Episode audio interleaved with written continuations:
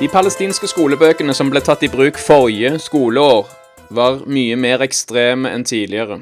Vold, martyrdød og jihad er tema gjennom alle tolv år i grunnskolen.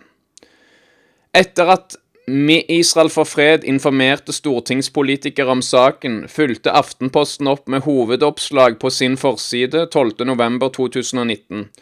Norge støtter skolepensum som fremmer jihad. Lederartikkelen var også klar. Palestinske skolebøker motarbeider fred. 5.12.2019 ble en historisk dag. For første gang i historien truet et flertall på Stortinget med frys i norsk bistand til palestinske myndigheter dersom myndighetene ikke endret sine skolebøker til det bedre. Palestinske myndigheter har i sommer signalisert til bistandsland som Norge at de vil reformere sitt skolepensum. Vi opplever at det er en god og tett dialog med palestinske utdanningsmyndigheter om spørsmålet, skrev utenriksministeren til Stortinget 4.6.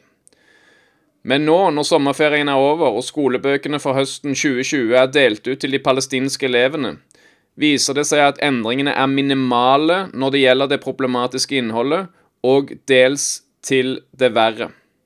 Det palestinske skolepensum har beveget seg lengre bort fra UNESCO-standarder, og de nylig publiserte bøkene er mer radikale enn tidligere, skriver Impact SE, et institutt som gransker ulike lands skolepensum opp mot UNESCOs standarder for fred og toleranse i opplæring.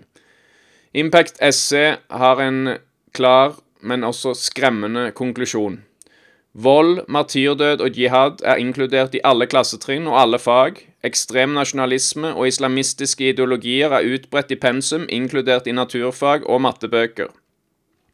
Muligheten for fred med Israel blir avvist. Enhver historisk jødisk tilstedeværelse i de nåværende territoriene til Israel og de palestinske selvstyremyndighetene er totalt utelatt fra skolebøkene. Impact SS rapport viser at palestinske myndigheter fullstendig har valgt å ignorere den norske advarselen.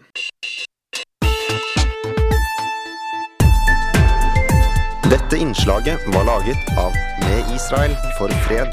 Organisasjonen driver Nordens største nettsted om Israel, www.miff.no. Gå til mif.no dersom du vil ha siste nytt fra Israel.